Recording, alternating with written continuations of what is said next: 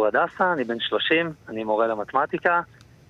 אה, מתמטיקה שראיתי לפני כמה ימים שוב את הכותרת המתסכלת הזאת באחד העיתונים הכלכליים. מתמטיקה, שער הכניסה לעולם ההייטק. מה שאמר, ואז אמרתי לעצמי, טוב, מזל שהלכת לעיתונות, כי לא היית כאילו מצליחה להגיע להייטק. אבל מה זה אומר על החבר'ה בגיל של עדן, כן? שבאמת הייטק זה הענף הכי מכניס מבחינתם, אם הם רוצים להשתכר כמו שצריך. באמת אי אפשר בלי מתמטיקה בחיים, טל?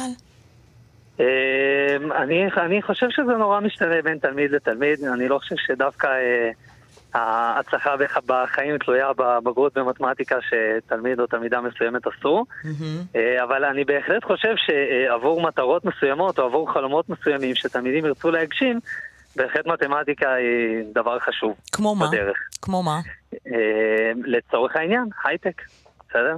היום, היום, היום כדי לעבוד בהייטק, או יותר נכון, בוא נאמר לפני זה, היום, היום כדי ללמוד מקצועות מסוימים באוניברסיטה, אה, בגרות במתמטיקה היא אה, מאוד מאוד חשובה. עכשיו, אני כל הזמן אומר לתלמידים שלי, זה מאוד חשוב, ואם זה החלום שלכם, אני אשמח שתעשו כל מה שאתם יכולים כדי להגשים אותו, אבל תדעו שגם יש עוד דברים חשובים בחיים, וכמו כל דבר שאנחנו בוחרים להשקיע, הוא גם צריך לשים לב מה ההשלכות חברתיות, רגשיות, לימודיות, אבל אני בהחלט מעודד תלמידים אה, אה, איך, איך, אה, איך אמרה תלמידה שלידך, שיהיו גרסה יותר טובה משל עצמם. אני רוצה לדבר איתך על פער שעלה פה, ראיינו כאן בשעתיים הראשונות מנהל ומנהלת, ראיינו את אחראית על הבריאות במשרד החינוך, ובשעה הזאת דיברנו רק עם ילדים ותלמידים, אוקיי?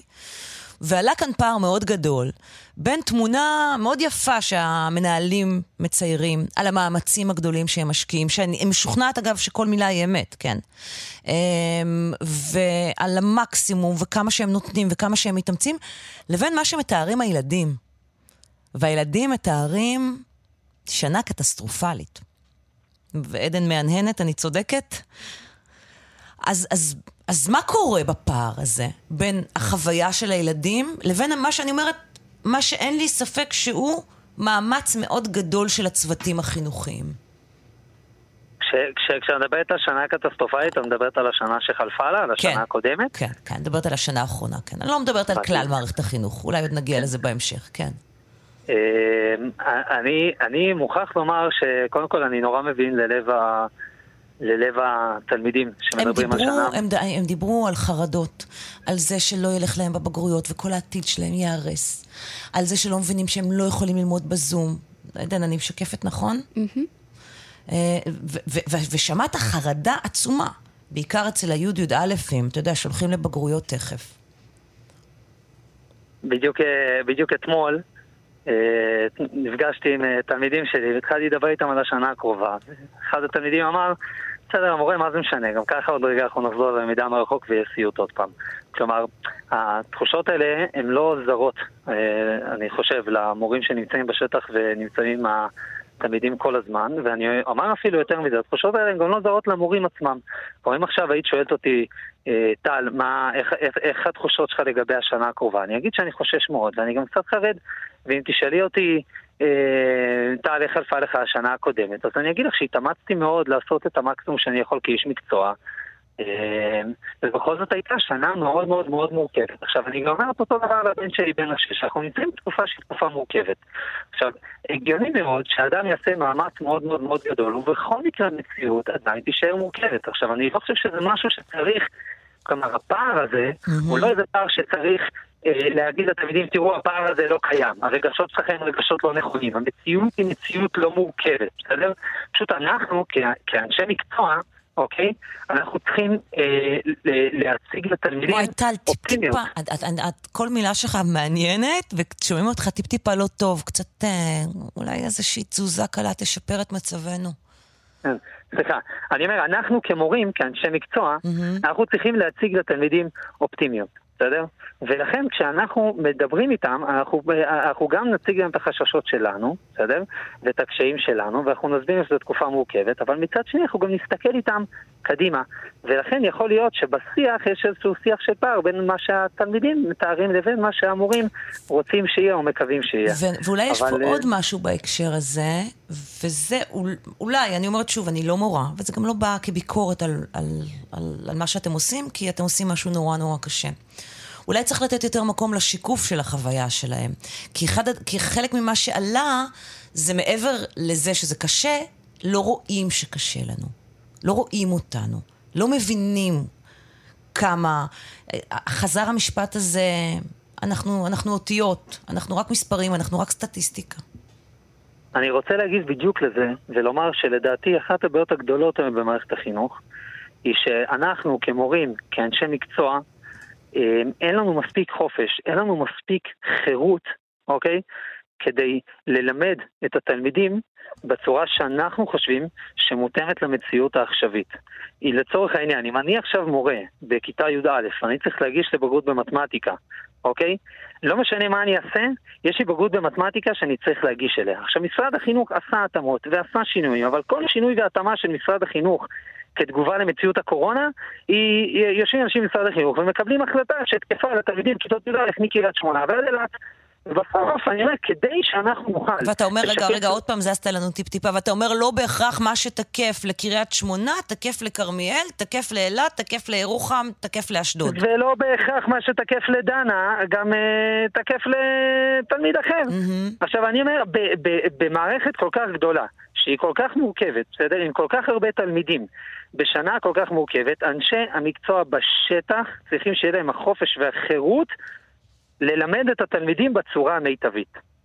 ושנה שעברה התחילו מהלכים, התחילו מהלכים שעודדו אה, אוטונומיה וחירות של מורים בשטח ושל מנהלים. אני מקווה מאוד שהמגמה הזאת תמשיך, כי ככל שלי יש יותר חופש בכיתה, אה, לממש את גאוותי ואת יכולתי ואת יושרתי המקצועית, ככה לתלמידים שלי יהיה יותר אוקיי. טוב.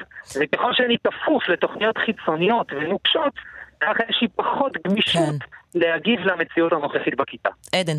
אמ, בתור מורה למתמטיקה, תלמידים באים אליך, אה, למשל, אה, איזה כיתה אתה מלמד? מז' עד י"ב, יש לי הרבה כיתות. אוקיי, אז למשל כיתות י"א, שבדיוק ניגשים לבגרויות. הם מגיעים אליך עם החששות שלכם, או שאתה, או שאתה מרגיש שהם אה, קצת יותר נבוכים או מתביישים? אני, אני באופן כללי, וכאן אני מעיד רק על עצמי, אני מורה מאוד מאוד מאוד מאוד מאוד פתוח עם התלמידים שלי, יש לנו קבוצות וואטסאפ, אני מעודד אותם לשלוח לי הודעות בכל שעות היממה, אני גם בחור צעיר כזה, אני אוהב את השיח, אני, אני, אני כל פעם תחילת שנה אומר להם, תקשיבו חבר'ה, תשלחו לי מה שאתם רוצים, מתי שאתם רוצים, כמה שאתם רוצים, mm-hmm. לילה, בוקר, יום. אם אני לא יכול, אני לא עונה, אבל בואו דברו איתי, אז אנחנו נפגשים מדי פעם, ואנחנו מדברים... זו גישה כל כך נדירה, אבל טל אצל מורים. גישה אה, מדהימה. גישה מדהימה, אבל מדהימה לגמרי, אבל נדירה. את מכירה הרבה מורים שזאת הגישה שלהם? אמ, אצלי בבית ספר כן, יש כן? כאלה, המחנכות שלי למשל. כן? לשמוע ממש, כן. אוקיי. יש. עכשיו, ולכן אני מעודד אותם לשיח פתוח לא רק בהקשר של הקורונה, אני אדבר איתם על הכל, ואני נמצא שם. עכשיו, אני מורה מקצועי, כן? מה שנקרא, המקצוע שלי ומה שנקרא, הקודש שלי זה ללמד את התלמידים. Mm-hmm. אבל, אבל בין השאר אני נמצא שם, והם צריכים שזה יהיה מרחב שבו הם יכולים לדבר ולהתבטא, ואני נורא משתדל לאפשר את זה.